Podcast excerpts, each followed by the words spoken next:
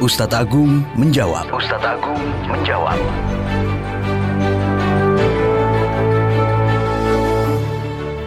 Mitra Muslim, Rasulullah SAW menerangkan kepada kita bahwa kita diminta untuk mengajari anak-anak kita berenang dan juga memanah.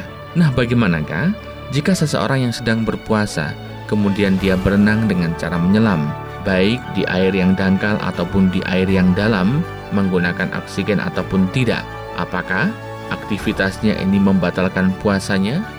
Kita simak ulasannya dalam Ustadz Agung menjawab. Mitra Muslim, seseorang yang sedang berpuasa, kemudian dia berenang, maka selama tidak ada sesuatu air yang masuk ke kerongkongannya, maka dia tidak membatalkan puasanya. Meskipun dia memakai oksigen itu juga tidak batal puasa. Sama dengan seorang yang menghirup aroma wangi. Dia beli minyak wangi dihirup lewat hidungnya maka eh, sama orang yang lewat di seberangnya sampingnya orang jual sate. Dia menghirup harumnya aroma sate maka itu tidak membatalkan puasanya